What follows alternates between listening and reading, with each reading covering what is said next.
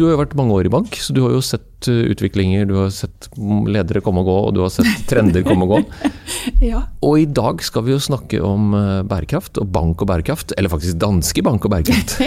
yes. Det blir jo det. Eh, så veldig hyggelig å ha deg her, Kristin Kvåle. Du er da noe så flott som Head of Societal Impact and Sustainability ved Danske Bank. Det er helt riktig. Oversatt på norsk, du er responsible for strategic development and coordination of sustainability efforts and initiatives in Norway. Ja, jeg pleier å kalle det bærekraftansvarlig i Norge. Er ikke det mye enklere? Det er veldig mye enklere. Så når du er ute der og snakker om bærekraftansvarlig, er det da en rolle som eh, in- in- informatør om hva dere gjør, eller er det også like mye verktøy inn mot eh, de ansatte i banken? Det er vel egentlig begge deler. Jeg jobber mye med, med kompetansedeling, mye med trening. Det ser vi at det er behov for. Eh, Så jobber vi også en del med i kundemøter. Treffer mye kunder, det er spennende. Og det, på sikt så burde det kanskje ikke være nødvendig at jeg blir med i de kundemøtene, for da skal kunnskapen være hos våre egne medarbeidere. Eh, Men det er klart det er et område som utvikler seg kjapt, eh, og vi har behov for å bygge eh, kompetanse fortløpende. Så er jeg litt på senere her og der. Prøver å snakke litt i ulike fora. Jobber en del med kommunikasjon, både internt og eksternt. Det jeg har lyst til å lære av deg i dag, er egentlig hovedsak tre ting. Det er bærekraft og den her grønne bølgen. Det er hvorvidt det er et temposkifte i dette bærekraftspratet. Og så er det om du kan hjelpe oss med noen tips og råd fra det du ser og det du vet fra Danske Bank. Så la oss starte rett på. Bærekraft og den grønne bølgen. Altså Alle snakker jo om bærekraft, Kristin. Hva, hva tolker du dette her som? Hva er det som skjer? Det skjer jo noe der ute som kommer med en kraft som vi ikke kan motstå. Man kan liksom ikke velge å si at dette tror vi ikke på. Det, det er klart det skjer noe i det internasjonale kapitalmarkedet. Det startet jo for en del år siden, men det kommer jo nå med full bølge. Det startet med de store proffe investorene som begynner å stille krav. Vi ser de største kundene er kommet lengst, og så begynner det nå å risle nedover også på de mindre kundene. Når ble du opptatt av dette her da? Når fanget opp at her foregår noe? Her er det en endring? Det er jo en del år siden. Denne rollen har jeg hatt siden 2018. Og da satte jeg meg jo ned og fant ut at her, her har jeg veldig mye å lære. Eh, og det er klart det begynner jo å prege litt mer og mer eh, min egen hverdag. Eh, man får jo litt mer bevisst holdning til ting. Alt fra altså En ting er søppelsortering og den type ting. Det blir jo litt mer symbolikk, selv om det er viktig det òg. Eh, men litt bevissthet i både reising, flyreiser, det, også, det ser vi også i banken nå etter eh, korona. Fly, altså Reiseaktivitet har jo vært en stor både utgiftspost og en forurensningspost for, for et selskap som oss, som er nordisk. Eh, men det har vi jo lært nå i forbindelse med, med pandemien, at vi, vi trenger ikke å reise så mye. Har dere fått retningslinjer på det, som andre virksomheter har gjort? Ja, ja. det har vi. Så nå, eh, og det ser vi i alle møter. eh, Defaulten er et Teams-møte, så du må aktivt velge noe annet hvis man ønsker å ha det fysisk. Og vi har også måling. Hvis du booker en flyreise, så kommer det opp hvilket CO2-avtrykk den representerer. Ja, for dette er jo litt sånn snedig, det hadde jeg egentlig tenkt å spørre om litt seinere. Men jeg mener jo at EU har gjort et sjakktrekk. Jeg er jo historiker, så jeg er opptatt av disse samfunnstransformasjonene. Og EU har jo for en gangs skyld nå med, det, med Green Deal satt bank og finans som både pisk og gulrot. For, fordi at man tenker seg at bank og finans er så ordentlige, så de kommer til å oppdra de andre. Ja, men det er jo det! Så hvis man får bank og finans til å sette opp regnskapet for, for hvorvidt selskapene og kundene igjen oppfører seg ordentlig, så kommer det til å lønne seg. Er det riktig analysert? Ja, altså bankene er jo vant til stramme regulatoriske krav. Eh, Så dette kommer jo egentlig i tillegg til mye som vi har allerede. Eh, Men jeg er helt enig, jeg tror altså bankene er en utrolig viktig faktor for å lykkes med dette. Vi sitter på kapitalen, eh, hvor vi dirigerer den. Investeringer og utlån er jo det viktigste vi gjør. Vi skal ha orden i eget hus, men det hvor vi dirigerer kapital, det er jo der vi egentlig får en stor effekt. Ja, og så er det jo ikke sant, det er en bølge, men den startet jo allerede på 70-tallet Men gryende bevissthet rundt dette med utslipp og miljø og klima og CO2. Men så er jo bærekraft mye mer enn bare klima og klimautslipp. Man snakker om dette ESG-rammeverket med Environment, Social and Governance. Og det er lett å glemme S-en og G-en, er det ikke det riktig? Helt enig. Veldig mange tenker at bærekraft handler om klima. Men som jeg sier, det er tross alt 17 bærekraftmål. Og en del av de handler om klima, men veldig mange handler jo om noe annet. Eh, Og det er utrolig viktig å ta med seg. Og der ser man jo også en gryende ikke bare interesse, men der kommer jo også regelverk på den siden. Det å begynne å se på S-en, ikke minst. Eh, Og kanskje noe ekstra vekket gjennom pandemien. At man ser det at det er utrolig viktig å ta de sosiale forhold også inn i betraktningen. Men slik du tolker det sosiale, hva er den lavest hengende frukten der for virksomheter og de som ikke har helt begynt med dette ennå? altså, det som er viktig for alle, er å se på sin egen verdikjede. Se på leverandørene sine. Eh, hvilke krav kan man stille der? Eh, og Det er klart at for noen, det er jo litt bransjeavhengig hvilke muligheter man har. Er man en eh, middels stor eller kanskje en liten bedrift som driver med retail-virksomhet, altså handel, så er det jo krevende kanskje å stille krav. Men jeg tenker hvis alle begynner å gjøre det, f.eks. nå i butikken også. altså det tenker Jeg har en mann, han er opptatt av at ingenting skal være laget i Kina. Spør alltid ja. hvor er dette laget. Ja. Og er det laget i Kina, så sier han nei takk. Hvis han har et alternativ du har kanskje ikke et alternativ med iPhone og en del andre ting. Men, eh, men det å begynne å stille litt krav. Så både som privatpersoner, men også som, som bedrifter. Begynne å se på verdikjeden. Hvor er leverandørene? Eh, hvilken, hvilken eh, krav stiller man til dem? Ja, og det er spennende å spørre deg, da, for du har jo antageligvis fra, du jobbet i bank i mange år. Så du har jo sett en utvikling fra kundesiden, og selvfølgelig en bevisstgjøring fra oss som har levd noen år. Tenker du at det henger sammen med klimaoppmerksomheten, eller er det noe annet som har trigget dette her? Denne bevisstheten? Jeg tror nok det henger litt sammen. Det, det, ja, jeg, jeg, tenker at det gjør det. Eh, for det er klart vi klarer ikke å løse klima, klimakrisen hvis ikke vi får med oss de fattigste landene. Nei, Og ikke hver enkelt forbruker heller? Nei, nei da, og det, det, er klart veldig mange sier liksom, at det hjelper ikke hva jeg gjør. Det, vi må liksom ha regler. Og, og, det er jo for så vidt riktig i det lille bildet, men det er klart hvis alle tenker sånn, så kommer vi jo ikke videre i det hele tatt. Så alle kan jo bidra, og det tror jeg er noe som vi bare må ta med oss alle mann. Men så kan man jo fort bli deprimert av dette, og litt sånn eh, ignorere det, for at det blir for komplekst. Og det blir nettopp det du sier, at det blir for stort å egentlig bare eh, ta tak i på egen hånd. Ja, man kan kildesortere, ja, man kan ta bevisste valg, man kan spørre på Elkjøp hvor er dette produsert, kan det repareres, hva er garantien? Men så vet man jo at det er en sånn Vi er jo godt vant så det at vi skal begynne å stramme inn livremmen, at vi skal være så veldig bevisste, det, det, har, jo, det har, jo, et element av ja, hva kan vi egentlig bidra med? Mm. Ja, og der treng, tenker nok veldig mange at uh, alle må forandre seg, men kanskje ikke jeg. Ja. Og det er jo en utfordring, selvfølgelig. For det er klart at det krever jo noe av alle, dette her. Det er det jo ikke noe tvil om. Vi kan bare se på strømprisene nå, det er jo ulike årsaker til at de er blitt så høye. Uh, men det er klart at dette kan være en del av det skiftet som vi nå er i ferd med å gå gjennom og se at konsekvensen er faktisk høyere strømpriser, og det må vi leve med. Da blir det dårlig stemning? Da blir det dårlig stemning. Ja, Det er ikke alle som er så veldig glad for dette. Så er det noen som bruker det selvfølgelig for å få oppmerksomhet for eh, vikarierende argumenter for å bevare det vi har. Og det er klart det er jo en levestandardjustering. Skaper jo aldri god stemning. Nei, det gjør ikke det. Og Der er det en eh, tidligere kollega av meg, Prespen Stoknes på BI, han har eh, snakket om en Det er egentlig en, en et slags perspektiv på endringer som, som, handler om hvordan man kommuniserer positivt eller negativt. Og Per Espen er veldig opptatt av at vi snakker om dette som mulighetene. Og at 75% av tiden vår når vi snakker om det, Kristin, da bør vi peke på muligheter og det positive i det. Og i mindre grad skremme og true. og og det, og det, er jo et veldig viktig perspektiv når vi også ser på hva unge mener om dette. For det er veldig mange unge nå som er kjempeengstelige. Mm, mm og ikke har noe tro på framtiden. Ja. Og hvis vi ikke har tro på framtiden, da kommer det i hvert fall ikke til å gå bra. så vi må, vi må, jo gå foran. Men hva, hva, gjør dere i Danske Bank da, som gjør at vi kan uh, se på dere som et fyrtårn i det grønne skiftet? vi gjør jo faktisk veldig mye. Eh, som, altså, finansnæringen er jo kommet ganske langt, vil jeg jo si. Eh, og det som vi har vært aller mest opptatt av, vi har satt oss helt konkrete måltall innenfor syv områder. Men det viktigste er likevel innenfor det vi kaller bærekraftig finans.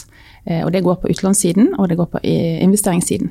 Eh, og på utlån så er jo grønne lån, grønne obligasjoner og det som man kaller sustainability linked loans, de store, eh, de store produktene. Og der ligger vi Danske Bank helt i tet nordisk. Vi er den aller største, ganske mye større enn våre konkurrenter. Og vi ligger mellom topp 10 og topp 20 i verden, faktisk. Så det er jo en helt bevisst, sats, bevisst satsing fra oss, og som vi har da fått en posisjon som vi er veldig stolt av. Men Er de sertifisert på noe vis av bransjen? Så ja. For å utstede et grønt lån, så må det være visse kriterier som er oppfylt? Ja, det man gjør er at vi har utstedt et grønt rammeverk. Mm -hmm. Som er deres? Som er vårt. Ja. Og da kan vi hente inn grønne penger fra markedet. Ja.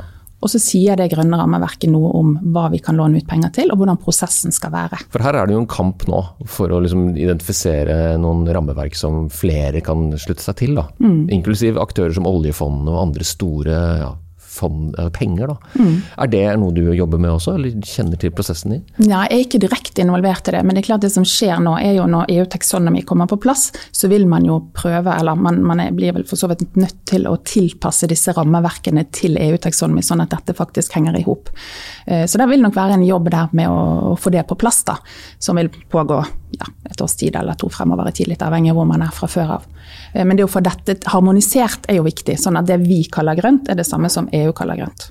Men alle bankkunder burde egentlig gjøre som mannen din, da. De bør spørre banken sin. Om, eh, om, ikke nødvendigvis hvor det er produsert, men hvor grønt er dette? Og så bør jo banken kunne svare.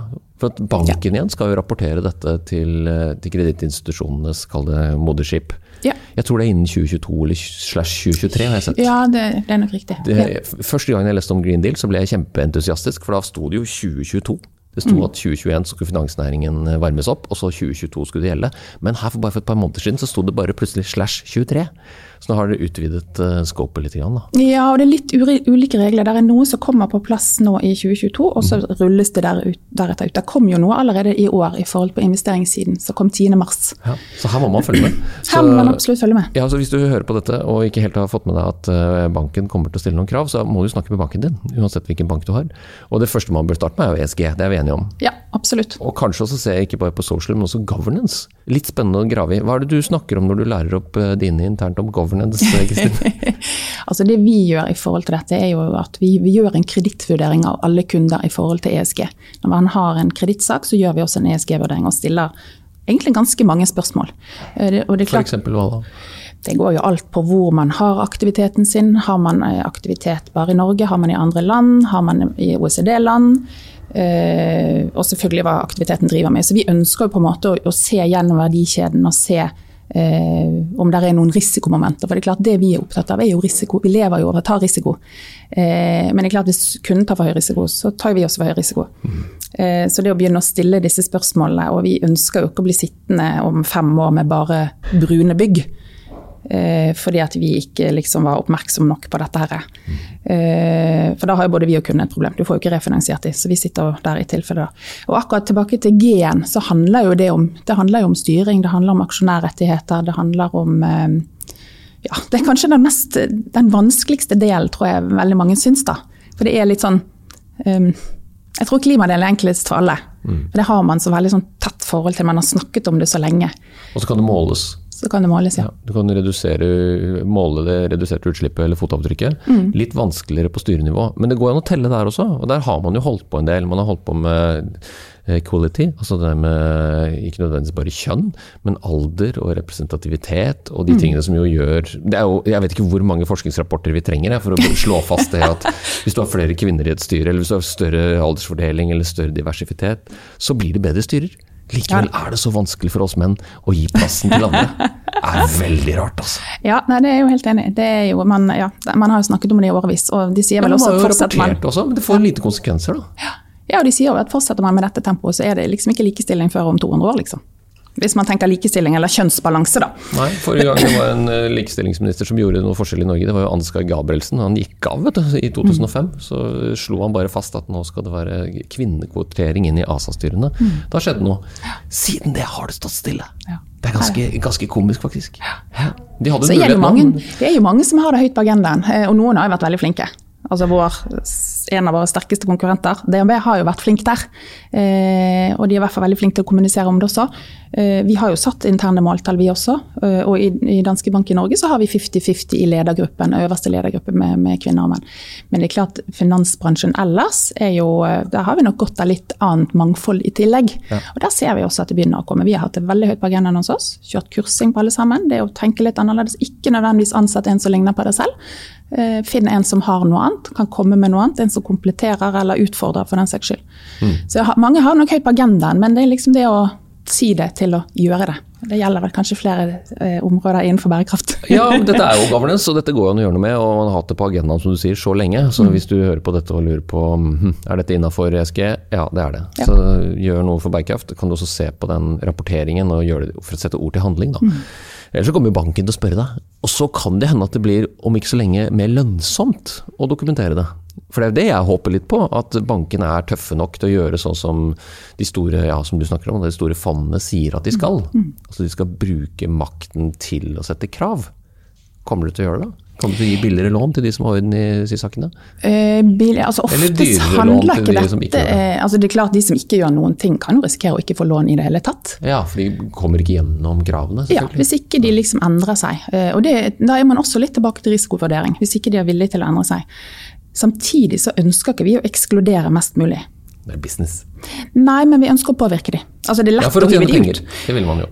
Selvfølgelig. Ja. Selvfølgelig må vi tjene penger, hvis ikke så har ikke vi livets rett. Nei. Så det er klart at bærekraft og lønnsomhet går jo hånd i hånd. Man kan jo like det eller la være, men, men, det er klart eh, man gjør sitt bærekraftarbeid, men det må jo også være en lønnsom bedrift. Mm. Hvis ikke så er man ute uansett. Bærekraft og business så blir det spennende å se. Jeg tror at det vil være konkurranse på banksiden, som du sier sjøl. At uh, her vil det være en opposisjonering, og så vil det være noen som, og det har jeg gleda meg til å spørre deg om, som kommer til å grønnvaske det. Som kommer til å prøve å få det til å se grønnere ut enn det det er. Det ser vi jo allerede. Ja.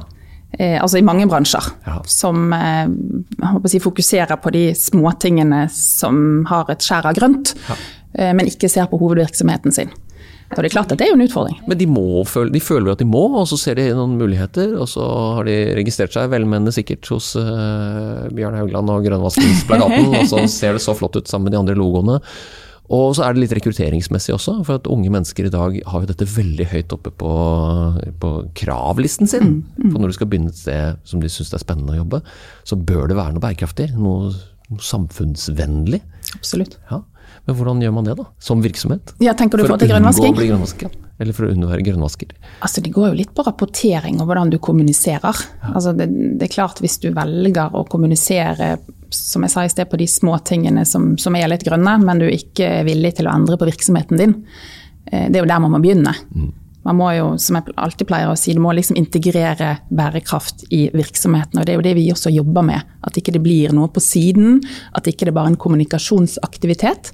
Eh, for det ser man jo kanskje noen år tilbake i tid. Eh, at det var ofte kommunikasjonsavdelingen som jobbet med bærekraft.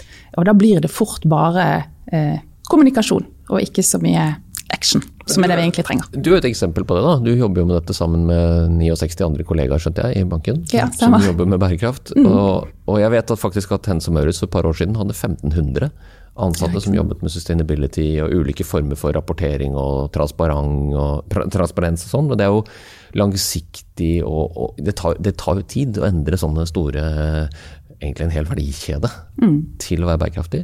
Men du er med på det. Er det, er det spennende? Du er pioner blant andre, ja. selvfølgelig. Ja, det er veldig veldig spennende. Det er klart, jeg, jeg har vært i bank siden, eh, siden 94. Eh, I danske siden 2007. Så det er klart jeg har, vært, jeg har et helt bankliv og har jobbet hele tiden med kunder. Eh, men det å få lov å lære noe helt nytt når man i utgangspunktet er en bankdame, det å lære noe helt annet, være med å påvirke, få en effekt, se at det, se at det virker det å kunne hjelpe mine kollegaer, eh, hjelpe våre kunder. Så det er klart at ideelt sett bør min rolle være borte om noen år, når vi har lykkes med vår integrering. Eh, men jeg tror nok det tar litt tid fremdeles, for det skjer jo såpass mye innen området. Eh, at det vil alltid være, eller ikke alltid, men det vil være en læring i, i, ganske mange år fremover. Jeg har lyst til å snakke med deg om det norske paradokset, vi kommer tilbake til det. Men før det så har vi jo et eksempel, og i forkant av denne samtalen så prater vi om noen kundeeksempler. Og dere har jo en veldig kul kunde som alle har hørt om, og som nok er kanskje også en del av en eh, utfordring som, som vi skal komme tilbake til. Da. Og det er jo næringsminister eh, Jan Christian Vestre og familieselskapet Vestre mm. Industrier, heter det vel, mm. tror jeg som dere kjenner godt til som et kundecase. Men det er jo en, en virksomhet som profilerer seg veldig med bærekraft og holdbarhet. Og de har produsert i Sverige fram til nå, så skal de bygge en svær fabrikk inne i skogen sør for Kongsvinger, inne i Magnordskogen der.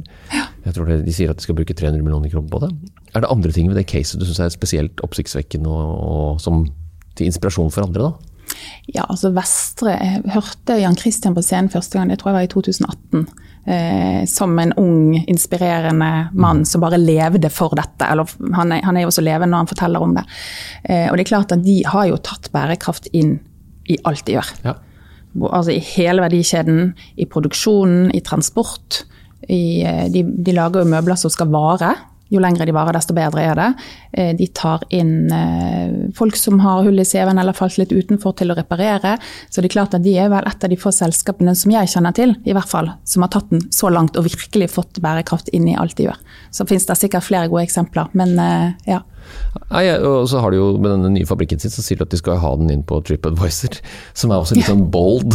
og litt, Jeg tror kanskje vi skal la være litt stolte av det. Og så blir det veldig spennende å se at han som næringsminister, hvor han da går inn i politikken Han kom jo derfra, han var jo politiker, og så ble jo faren hans syk og dessverre døde. Så måtte han jo overta, eller han valgte å overta så har han jo, som du sier, han representerer litt den studenttypen som jeg husker begynte å stille spørsmål ved bærekraftsmålene. Som jo ikke er så gamle, de er bare seks år gamle, for de kom jo i 2015. Ja. Og det var jo studentene i hvert fall hos oss som begynte å stille de spørsmålene om ja, men skal ikke dere begynne å implementere dette her, disse 17 bærekraftsmålene. Ja. Og jeg kan fortsatt ha trøbbel når jeg ser folk med sånn pin, så jeg er glad du ikke har den på deg i dag. For det er sånn, jeg er litt mer bærekraftig enn deg, så jeg har liksom Og dette er jo et verktøy som ble lagd av FN mm. for å videreføre tusenårsmålene. Og som øker bevissthet. Men så er jeg liksom litt nysgjerrig på hvordan skal man ta dette til verktøy, sånn at det blir helt ned på det som Vestre gjør. Integrert i virksomhetens eh, produksjon og, som du sier, rekruttering og etterlevelse. Hva tenker du om det? Altså, jeg har litt sansen for å ta utgangspunkt i FNs bærekraftsmål. Og bruke de som et utgangspunkt for den jobben man gjør. Eh, kanskje vel så mye til inspirasjon. Selv har vi valgt ut eh, seks bærekraftsmål som Danske Bank jobber etter. Og Basert på det så har vi også gjort, eh, laget noen initiativer som understøtter det. Eh, så det å bruke det som et utgangspunkt, det, det syns jeg egentlig er helt, helt, fint.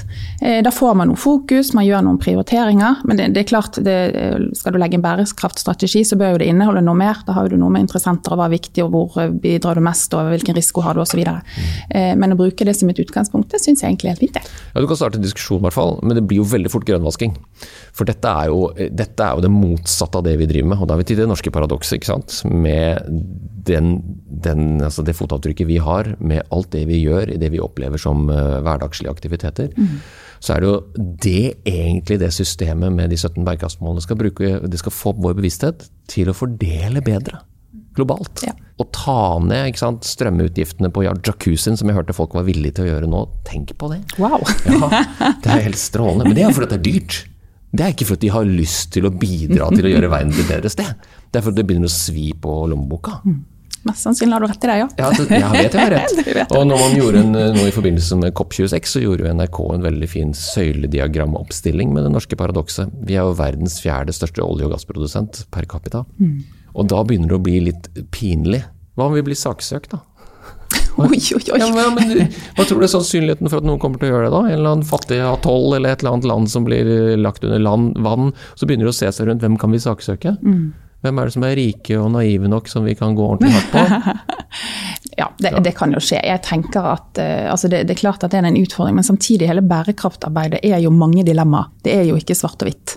Uh, og verden trenger energi. Eh, og på et eller annet tidspunkt så vil jo fossilt bli utfaset. Spørsmålet er jo bare når. Ja, Hvor fort kan vi gå? Det skal ikke det skal, avvikles, det skal ned. Det skal ned. Men det er en start. Da skal det i hvert fall ned, om ikke annet.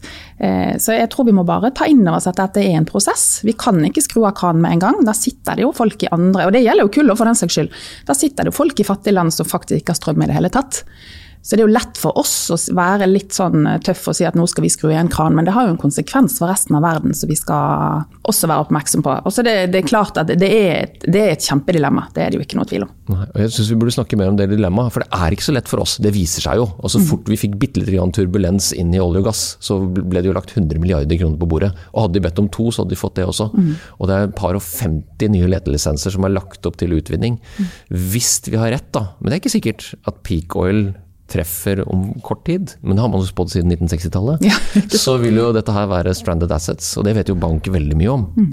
Regningen for det, Kristin, hvem er det som får den? Det er vi. Det er vi, ja. Og da blir det litt sånn derre Hvor føre var skal man være på et sånt forsiktighetsprinsipp, når vi vet at det er jo det man prøver å si om naturødeleggelser og mm. dyremangfold og, og det, de, de, konsekvensene av vår atferd har. Da. Mm. Så, så, det er jo kjempekomplekse ting, men så prøver vi å ta det ned til noe håndfast for virksomhetene. Mm. Så, mm. så, vi må jo bare begynne å prate sammen. Ja, man må begynne. Altså, det er klart, det er som du sier, helt enig, det er jo kjempekompleks og veldig stort. Eh, men jeg tenker man må begynne litt i det små. altså Gjøre det man kan gjøre noe med. Prøve å forenkle litt der det er mulig. Men det er klart, altså det som monner er jo regelverk og regulatorisk, sånn at man virkelig får den store dytten som man trenger. Det, ja, vi, vi, skal gjøre det vi kan på, på hjemmebane og bedrifter, men det er klart det er noe med, med reglene som må pushe det i riktig retning her. Derfor er jeg så glad for at dere er om bord, altså bank. Altså, vi hadde hatt mye større problemer hvis dette hadde vært overlatt til gründere og andre sånne, som hadde lyst til å markere sitt eget ego. For dere er så etterrettelige og ordentlige, og så går det an å drive auditing på dere. Da kommer finansnæringen, da kommer myndighetene, og så kommer til slutt Finansdepartementet og spør hva foregikk her. Mm. Og så vil dere få veldig dårlig samvittighet. Vil, det, det, det, er mange som kikker oss i kortene, absolutt. Ja, det, og dere er vant til det. Altså, hvis dere ikke oppfører dere ordentlig, så får det konsekvens. Mm. Da kan man ikke bare skylde på at teknologien virka ikke. Nei. Sånn som vi har gjort fram til nå. Mm. Mm. Det blir jo det spennende. Man må både være teknologioptimist, men man må ha noen som kjører de reglene. Ja. Så hvor fort kommer vi alle til å kjenne at vi må ta andre valg, Kristin? ja, det var jo et, et vanskelig spørsmål. Altså, man ser jo at det har skjedd veldig mye de siste altså jeg, jeg fikk rollen min i 2018. Bare de siste par årene så har det jo skjedd vanvittig mye. Mhm. Spesielt innenfor grønne produkter. Eh, både til privatpersoner og også til, eh, til bedrifter. Så ser vi jo fremdeles eh, at ofte er det en pris inn i bildet. Altså Man vil ha, gjerne ha et grønt lån på huset sitt, men bare hvis det er billigere. Så man tenker fremdeles mer med lommeboken enn hjertet. Ja.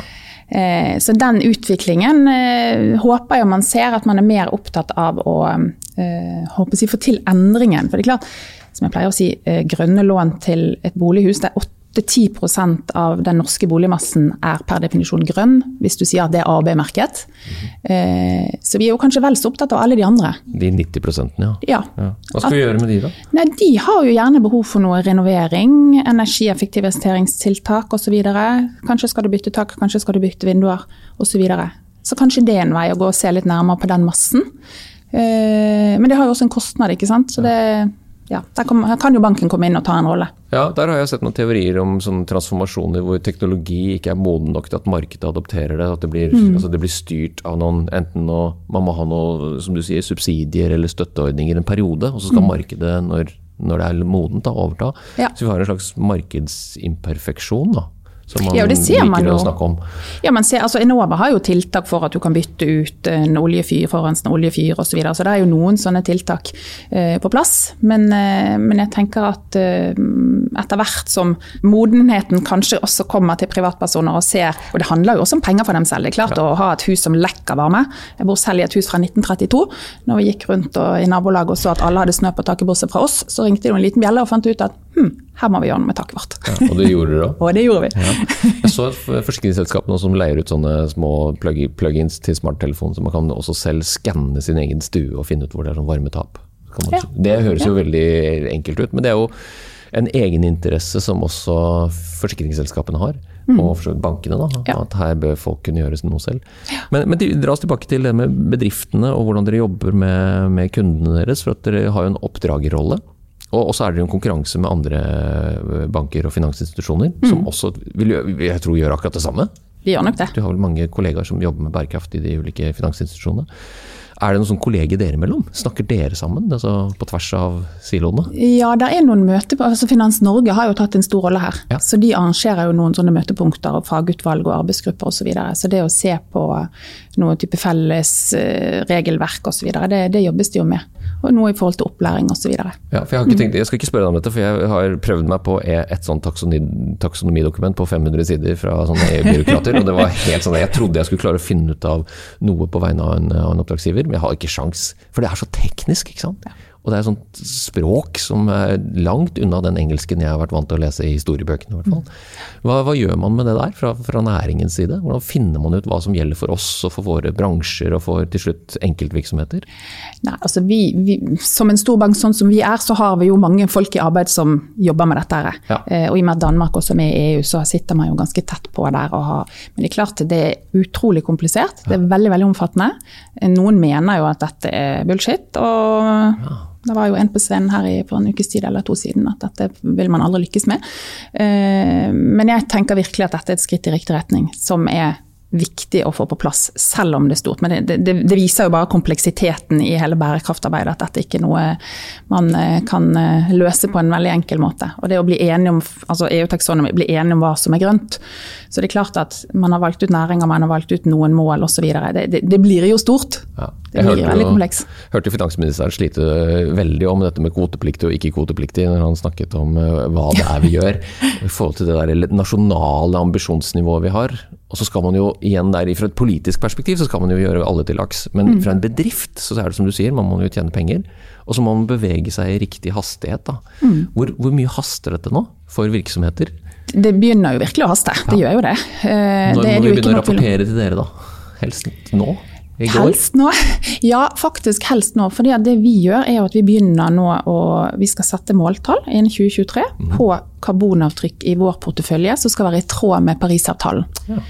Så når vi begynner å måle det, så setter man mål for ulike bransjer, eh, så er jo vi avhengig av data. Ja. Vi kan jo ønske å måle så mye vi vil, men hvis ikke vi får input fra, fra selskapene, så Så det å på en måte få den datatilgangen er jo en utfordring. Så ja takk, gjerne med en gang. men det jobber du ikke med? Du slipper å Jeg er ikke direkte involvert i det arbeidet, det er jeg ikke.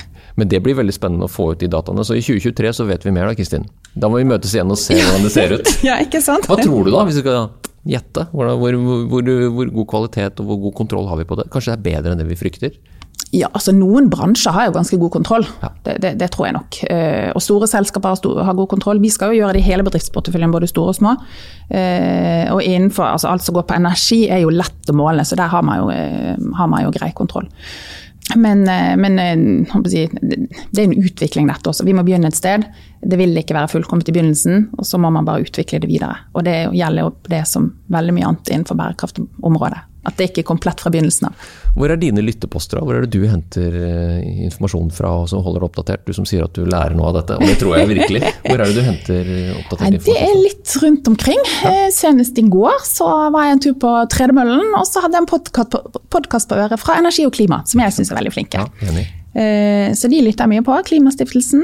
Eh, så har vi veldig mange flinke folk i vår egen bank. Som jeg lytter på. Så er det jo alt det som foregår i EU ønsker, man, ønsker jeg å lære mer om, men jeg ser jo at det er kompleks. Så der prøver jeg å finne noen arrangementer. Det er jo veldig mye arrangementer Finans Norge har. Finansforbundet hadde en i forrige uke. Så det å lytte inn på webinarer, det, det, bruker jeg jo en del tid på. Så skal man jo alltid ha en bevisst forhold til hvor mye tid man bruker på det, men at det skal være nyttig. Dette var helt strålende. Jeg oppsummerer med at eh, alle kan gjøre litt, ingen kan gjøre alt. Og ha fokus på verdikjeden, som du så ja. fint sa. Og at alle bedrifter bør se på ESG-en, det hadde jeg forberedt, og det bekrefter jo du. Og at den har mange flere muligheter til å dokumentere og rapportere, helt i tråd med det banker og finansinstitusjoner kommer til å forvente. Yes. Og har du ikke fått eh, telefon fra banken din, eh, så kan du ringe dem. Det går jo an. Og si at vi er nysgjerrige på dette. Hvem hos dere er det som kan svare meg på dette? For det går jo litt på konkurransebildet igjen hos kunden igjen, da, for de er jo ofte i bransjer hvor folk beveger seg litt uh, ulikt. Så det var flott å få påminnelse på. Dette med kredittvurdering, som, som, aldri går av Det, det er jo alltid der, ja. så man blir jo vurdert. Nå er det jo ESG i tillegg, sier du? Yes. Implementert, eller er i ferd med å bli implementert? Det er implementert, yes. Ja. Så er vi begge to helt enige, da, det var jeg glad for, at taksonomien er krevende, men at vi må jo bare gyve løs på det ut ifra de, de, ja, det behovet vi har da, for å forstå det. Ja. Men eh, hvis du syns dette er komplisert, så følg med på politikerne. De sliter voldsomt med dette, de også. Med, det jo de som har lagd dette med kvoteplikt og ikke-kvotepliktig sektor. Mm. En veldig pussig innretning. Litt for å prøve å komme unna det. Nå, nå var det jo var jo vannkraft ute, så var det plutselig inne igjen. Mm. Nå er gass plutselig inne. Ja. Og det er jo helt sånn der, mot det alle hadde trodd. For man skulle jo avvikle olje og gass, men nå er plutselig gass på innsiden. Mm. Definert som grønt, ja. tro det eller ei. Eh, men det kan jo endre seg neste uke. Enn så lenge, ja. ja, ja. Eh, og så likte jeg veldig godt perspektivet ditt på dette med at vi, vi, kan fort tendere til Og det er kjempebra med Vestre og disse store, fine eksemplene, men hvis 90 av husstandene våre må oppgraderes og repareres litt og ja, så gjelder nok det også bedriftene. Ja, så, ja. så, det er et fint perspektiv. Mm. Vi må få med flere. Jeg tror I sånne diffusjonsteorien så er det 70 er jo tidlig å se en majoritet. Så det er jo de vi må få med oss. Ja. Ikke bare innovatørene, eller høre på etternølerne. Dette var helt strålende, og jeg er veldig glad for at du er så positiv og vil lære deg disse tingene. Jeg har lært mye av å snakke med deg nå, og skal følge med videre på bærekraft og bank. Bank og bærekraft. Yes, yes. Tusen takk for praten, Kristin. Hvis du likte denne podkasten, hadde vi satt utrolig stor pris på om du abonnerte og gir oss en tilbakemelding i avspilleren. Spre gjerne ordet videre til andre ledere som er lidenskapelig opptatt av ledelse, strategi og innovasjon. Mitt navn er Tor Haugnes. Sammen er vi all in med Oslo Business Forum.